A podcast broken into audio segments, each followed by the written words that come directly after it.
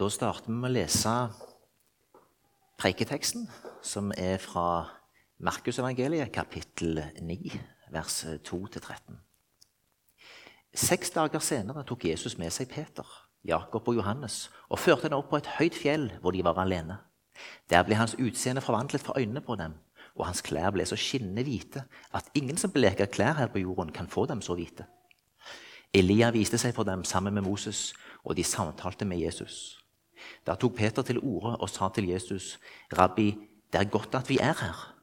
La oss bygge tre hytter, en til deg, en til Moses og en til Elia.' Han visste ikke hva han skulle si, for de var slått av skrekk. Da kom det en sky og skygget over dem, og en røst lød fra skyen. 'Dette er min sønn, den elskede. Hør ham.' Og med ett, da de så seg om, så de ingen andre hos seg enn Jesus. På veien ned fra fjellet påla han dem at de ikke skulle fortelle noen det de hadde sett før menneskesønnen var stått opp fra de døde. De merket seg dette ordet og snakket med hverandre om hva det, om, om det, var, om hva det var å stå opp fra de døde. Og de spurte ham, sier ikke de skriftene at Elia først må komme? Han svarte, jo, Elia kommer først og setter alt i rette stand, men hva står skrevet om menneskesønnen? At han skal lide mye og bli foraktet. Og jeg sier dere at Elia allerede er kommet, og de gjorde med han som de ville, slik det er skrevet om ham. Vi ber. Herre, takk for ditt ord. Takk for din åpenbaring. Takk for at du har vist deg for oss. Herre, nå ber jeg om at du viser deg for oss på nytt. Jeg ber om at du kommer til oss ved din ånd og åpner ord for oss. Både jeg som skal tale, og de som skal lytte. Takk, Herre. Amen. Kristi forklarelsesdag. Den dagen Jesus på en spesiell måte viste sin herlighet, sin storhet, for sine disipler. Og som eh, Kristin eh, eller jeg har lest Dette var noe som festa seg. Peter var der, og han snakker om det seinere. Dette så vi sjøl. Dette var ikke noe dikt. Dette var ikke noe noe sagn. Dette har vi sett. Så er det litt fint, da, hvis vi tar de ulike evangeliene. Markusevangeliet er skrevet av Peters tolk. Så når vi leser i Markusevangeliet, så leser vi en øyenvitneskildring som Markus så nøyaktig som mulig har gjentatt fra Peter. Han var mye sammen med Peter. Peter har fortalt historiene om igjen og om igjen. Markus kan bl.a. fortelle at når det stormer, og de er ute i båt, så kan han fortelle at Jesus lå bak i båten på ei pute. Den type detaljer har ikke Lukas med. Fordi Han var jo en grundig lege som samla inn kildene. Men han hadde ikke nødvendigvis fått med seg den detaljen at Jesus lå bak i båten eh, på ei pute. Det er sånn som et øyenvitne formidler. Det ser vi litt tendenser av denne teksten òg. Da ble hans utseende forvandlet for øynene på dem, og hans klær ble så skinnende hvite at ingen som bleker klær her på jorden, kan få dem så hvite.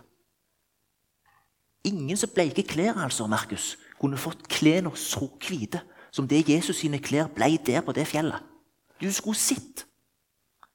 Det er en levende øyenvitneskildring. Det er Peter som forteller oss det han så. Så er det jo veldig spennende, da, hvem som viser seg der sammen med Jesus. Det er Moses, og det er Elia. Hvorfor er det ikke Abraham, vår stamfar i troen, som fikk løftene? Hvorfor er det ikke David, som uh, snakker sånn om Frelseren? Hvorfor er det ikke Jesaja, som eh, fikk store åpenbaringer og profeterte så tydelig om han som skulle komme. Hvorfor er det ikke Adam, der Jesus er motsatsen? Det nye mennesket som oppstår ved Jesus, og som ender den tida. Hvorfor er det Moses og Elia? Vi da sier at de begge representerer den gamle pakt. Det er en helt spesiell hensikt med å ha disse her. Jesus snakker også om loven og profetene. Ja, loven, den skrev Moses ned. Og profetene, der er nok Elia en av de, den, Det er nok den som, han som har fått åpenbart størst ting og fått sitt mest, og som er en veldig tydelig profet. Som, som en eh, gjerne trekker fram.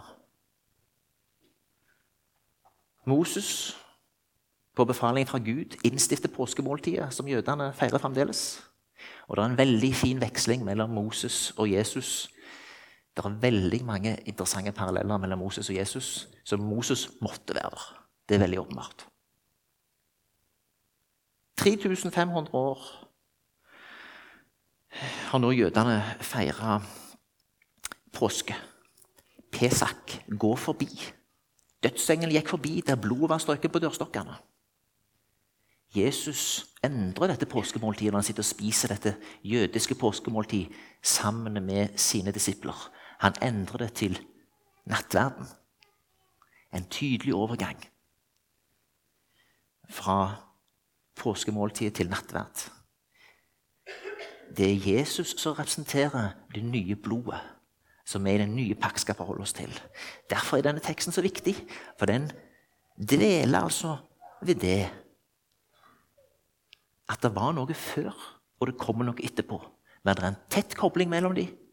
Og det Moses og Elia og de andre profetene har gjort, er veldig viktig for å peke fram mot Jesus.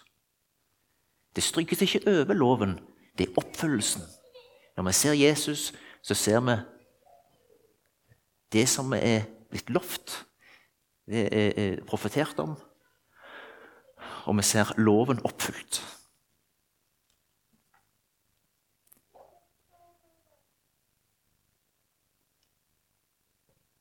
Moses innførte på befaling fra Gud prestedømme som skulle stå for offerhandlingene i tabernakelet, senere tempelet. Og der er det jo sånn at Jesus er jo selve øverstepresten. Han er den som eh, nå er prest og går i forbønn for oss. Hvis vi går litt tilbake til Elia, da. Han var en profet som kom Gud veldig nær. Vi kan lese i, eh, i eh, kongebøkene. Da kom Herrens ord til ham, og det lød så.: Hva vil du her, Elia? Det er Gud som kommer til ham. Han svarte, Jeg har vist brennende iver for Herren, allherrs Gud. For israelittene har sviktet en pakt. Dine altere har de revet ned, og dine profeter har de drept med sverd. Jeg er den eneste som er igjen, og nå står de med etter livet. Da sa Herren, gå ut og still deg opp på fjellet for Herrens åsyn. Og se, Herren gikk forbi. Foran ham for en stor og sterk storm, som kløvde fjell og knuste knauser. Men Herren var ikke i stormen. Etter stormen kom det et jordskjelv, men Herren var ikke i jordskjelvet. Etter jordskjelvet kom det en ild, men Herren var ikke i ilden. Etter ilden kom lyden av en svak susing.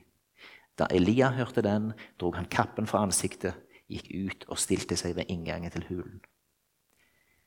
Elia er en mann som kjenner Herren. Han vet at Herren ikke er i stormen, ikke, ikke i ilden, men han er i den stille susen. Han kjenner Herren. Han var en Herrens tjener som Herren hadde åpenbart seg for, og som på en helt spesiell måte fikk bety noe i sin tid. Og Det er òg godt for oss å kunne vite at Herren finnes i den stille susen, som det sto i den gamle oversettelsen. I den stille susen kommer han til oss. Den stille susen kjente Elia, og den kan vi kjenne. Så er det Baal-profetene, 450 Baal-profeter, som Elia utfordrer. Et enormt troens mot. Han har fått store åpenbaringer. Gud har vist seg på en spesiell måte, og han går på det. Du og du, når du står der med de 450 Baal-profetene, og alt hviler på at Herren tenner på ditt offer med ild fra himmelen, Da har du stor tro, altså. Og sånn sett er Elia en veldig god representant for eh, profetene. Så må vi ta dette med, dette med da. Begge to eh, lider og kjemper på en spesiell måte og i spesiell tid. Moses fører folket de 40 årene ut av ørkenen. Han skal føre Guds folk fra Egypt til Kanaan. Hva opplever han? Han opplever at dette folket som har fått se så mange under Kun kort tid etter de har opplevd dette, så er de troløse, likegyldige, apatiske og vil gå sine egne veier. Han opplever gang på gang et folk som er utrolig vanskelig å lede. Han har en grassat vanskelig jobb. Og han står mellom Gud og eh, israelsfolket på en helt spesiell måte. Han går i forbønn for dem. Men du og du får en fight. Du og du får uh, ei kjemping. Elia òg kjemper. Han kjemper på en helt spesiell måte med ondskap. Jesabel, Akab Hvis vi skal ta litt om uh, kong Akab Første kongebok 25, vers 26. Det har aldri vært en slik konge som Akab. Han solgte seg til å gjøre det som var ondt i Herrens øyne, fordi hans kone Jesabel lokket ham til det. Aller verst bar han seg til at han ga seg til å følge avgudene, helt og fullt som amorittene hadde gjort, de som Herren drev bort for israelittene. Det var en ondskap i denne tida som var helt enorm. Elia var utrolig alene. Sånn sett minner dette oss på hva Jesus kom for å rydde opp i. Han kom for å rydde opp i menneskenes egen svakhet. Det troløse Guds folk, som etter store åpenbaringer fort svikter. Som ikke lever lenge på store, sterke manifestasjon, manifestasjoner på at Gud er den eneste sanne Gud, som gang på gang svikter. Menneskene kunne ikke føre seg sjøl til Gud. Menneskene var ikke i stand til å følge Guds veier. Selv om de hadde fått en god leder som Moses, så gikk de seg ofte vill. Og Elia kan da på en måte representere det å reise seg opp mot ondskapen. Men Elia kunne heller ikke ryddet ondskapen. Jesus Kristus har kommet både for å rydde opp i det som du og meg ikke er i stand til som svake mennesker, og den ondskapen som finnes, som ikke forstår. Han har beseiret det onde, og han har skapt en vei for svake mennesker til Gud. Disse to, Moses og Elia, fikk jo åpenbaringer som vel ingen andre. Kristine leste teksten om eh, mos og tornebusken, der en Herrens engel viser seg. Så har vi Elia, som her får se, komme veldig tett på Gud og kjenne han igjen i den stille susen. Her må vi òg ta med noen av de åpenbaringene som Moses fikk. Moses har først vært oppe på Sinai-fjellet og fått lovtavlene og forordningene. Wow. Og så har folket svikta. De har laget seg en kalv, må vite. Det gikk så lang tid før han kom ned igjen. De hadde svikta sin inderlige vilje til å følge Herren.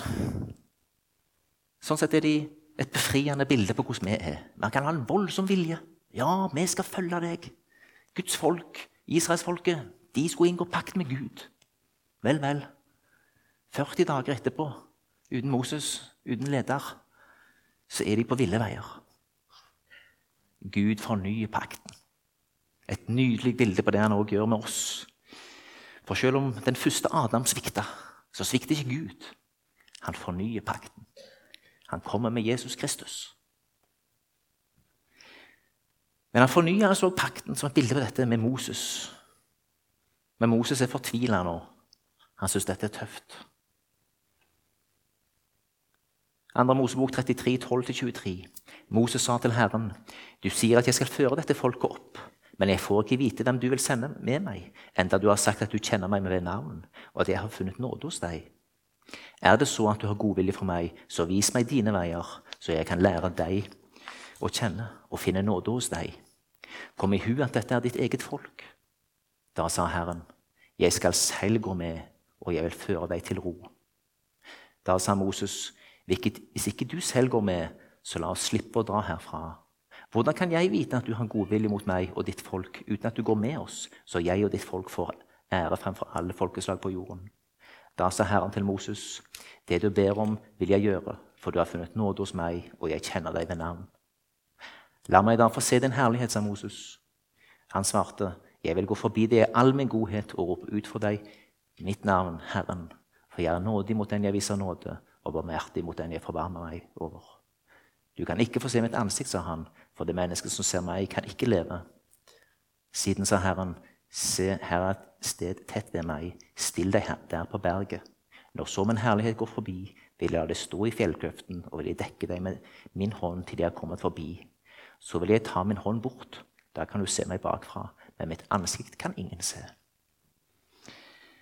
Det som metter det som Moses her kommer Jeg syns det er fint å kunne trekke det fram som en dveling over hvorfor Moses og hvorfor Elia. Moses er fullt klar over følgende. Dette greier jeg ikke alene. Du, Gud, må gå med. Sånn er det for oss òg. Vi greier heller ikke tros- og livsreisen uten at Gud går med.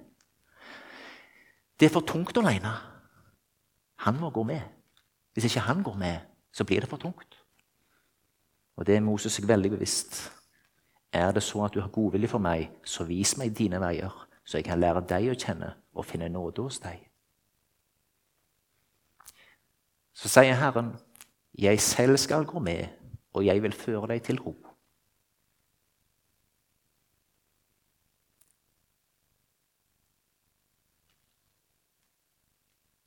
Det du ber om, vil jeg gjøre, for du har funnet nåde hos meg, og jeg kjenner deg ved navn. Det sier han til deg og meg òg. Og det er sånn sett et nydelig forbilde på det som skal skje, det som Gud skal gjøre i det store. Han skal ikke bare gå med i det daglige med Moses. Nei, han skal sende en som vil vise for alle folkeslag på jorda at Gud går med. Det var så viktig for Moses å få se ham. Og det tror det har vært viktig for oss alle å få se Gud gjennom Jesus. Det er sånn jeg vil vise meg. Jeg vil vise deg min herlighet gjennom Jesus. Moses formidler dermed på mange måter det som vi alle trenger. Vi trenger å se Gud. Vi trenger å erfare ham. Og han viser oss, Gud viser oss sin herlighet gjennom Jesus.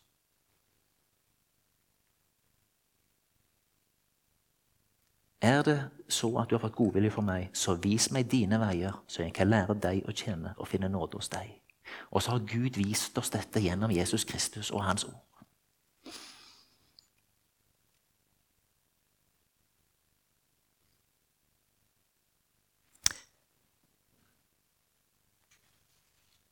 Så må vi ta litt om Peter igjen. Han var øyenvitne. 5. Mosebok 19, vers 15. Et vitne er ikke nok til å felle en mann for en forbrytelse eller en synd. Hvilken synd det enn gjelder. Bare etter to eller tre vitners utsagn skal en sak stå fast. Ja, og dette, som en del av oppfyllelsen av loven, så er det tre stykker som er med. Det er tre disipler som er med. Og de altså får se store ting. De får eh, Peter, Jakob og Johannes de er altså da vitner. De er øyenvitner til det som skjedde. Og etter to eller tre vitners utsagn skal en sak stå fast. Kristine har lest 2. Peter 16-18. Jeg leser det ikke om igjen, men jeg leser noe fra en av de andre som var med, fra Johannes. Innledningen i Johannes' første brev. Det som var fra begynnelsen, det vi har hørt, det vi har sett med våre øyne, det vi så og våre hender tok på, om det bærer vi bud, om livets ord. Og livet ble åpenbart. Vi har sett det og vitner om det, og forkynner dere det evige liv som var hos Faderen og ble åpenbart for oss. Det som vi har sett og hørt, forkynner vi også for dere, for at dere skal ha samfunn med oss, vi som har samfunn med Faderen og Hans Sønn Jesus Kristus. Og vi skriver dette for at vår glede skal være fullkommen. De var øyenvitner. Så er det litt sånn, da Kan vi tenke oss at disse tolv mennene, disse tolv disiplene Vi bytter ut Judas med Mattias. Disse tolv som det begynner med, og som på pinsedag får Ånden. Og som forkynner på pinsedag i Jerusalem. Og 3000 blir med en gang lagt til menigheten. Og resten av sitt liv så går disse tolv på den bensin det er at de har sett Han den sanne, levende. Og så er vi her nå, 2000 år etterpå. Statistikk er vanskelig, men nominelt så finnes det 2,5 milliard kristne. Drøyt 1,2 milliarder katolikker. 900 millioner protestanter. Her må vi være ydmyke med lutheranere. Vi utgjør altså ikke mer enn sånn 90 millioner. med 10 av protestantene. Eh, ortodokse 300 millioner, kanskje mer. 2,5 milliarder totalt. Dette har bredt seg ut. Ser vi for oss at disse tolv hadde gått på dette her og formidla dette videre hvis det bare var noe tull de hadde funnet på sjøl? De hadde aldri gidda det. De gikk resten av sitt liv på det de hadde sett. Og Ånden har virka og vært med etterpå. Så nå står vi her. Nå har vi en enorm historie over hva dette har gitt og betydd. Det er ingen person som har vært på jorda som har påvirka menneskene mer enn mennesket Jesus Kristus. Det snakkes om han ennå, 2000 år etterpå. Det forkynnes i gudstjenester om han jorda rundt hver søndag. Og Gud holder på å utbre sitt rike, og han spør om vi vil være med. Om vi vil være med i misjon, om vi vil være med i naboevangelisering, om vi vil være med i eh, tjeneste for han på ulikt vis. Takk til alle dere som er med, som står i ulik tjeneste i misjon, i forsamling, i menighet, der dere måtte være. Vi fortsetter å lese litt fra Johannes, 1. Johannes brev. Hvem andre seirer over verden enn den som tror at Jesus er Guds sønn? Han er den som kom med vann og med blod. Jesus Kristus, ikke bare med vannet, men med vannet og blodet. Og Ånden selv er vitne, for Ånden er sannheten. Vi har hatt dåp her for Elisa. Hun ble døypt til Faderens, Sønnens og Den hellige ånds navn. Vannet og Ånden har vært der og er blitt døypt til Jesu Kristi død oppstandelse. Hun er altså da fått del i blodets seier. Og hun er døpt med vann og ånd. Og her er det igjen vitner. Det er tre som vitner. Ånden og vannet og blodet. Og disse tre samstemmer. Vi godtar jo vitnesbyrd fra mennesker, men Guds vitnesbyrd er sterkere. For dette er Guds vitnesbyrd. Han har vitnet om sin sønn. Den som tror på Guds sønn, har vitnesbyrd i seg. Men den som ikke tror Gud, har gjort ham til en løgner fordi han ikke har trodd Guds eget vitnesbyrd om sin sønn. Og dette er vitnesbyrdet. Gud har gitt oss evig liv, og dette liv er i hans sønn. Og dette var det Gud ville banke inn i oss med å vise Moses og Elia og gjøre Peter, Jakob og Johannes til øyenvitner for dette. Dette er min sønn, den elskede. Hør ham. Det var det han ville si. Det sier han til oss i dag òg. Dette er min sønn, den elskede. Hør ham. Hør ordet. Lev ordet. Lær ordet. Dette er vårt prosjekt òg i dag. Først og fremst å komme til han og være hos han. Ikke først komme til han for så å gjøre noe for han. Nei, du skal få hvile. I lange perioder kan enkelte ha behov for å hvile i det. Og få kjenne at jeg er hos Jesus med livet mitt. Jeg får vandre med Herren i smått og stort. Det å få vandre med Herren i smått og stort er viktig. Og så må tillit til Han vise oss ting. Derfor skal vi ikke legge på hverandre for store byrder med dårlig samvittighet for det ene og det andre vi skal gjøre. Menigheter kan være farlige sånn. Vi har masse svære ideer om hva vi vil gjøre.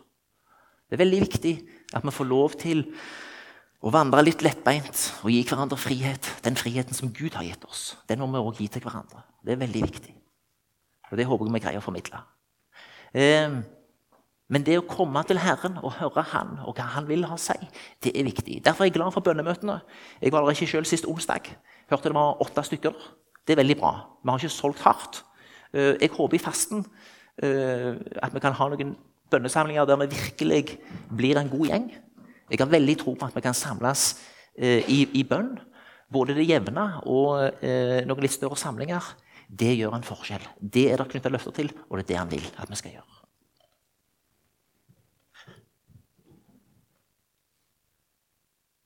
Det var ikke oppdekket det sang vi holdt oss til da vi kunngjorde for dere vår Herre Jesu Kristi kraft og Hans komme.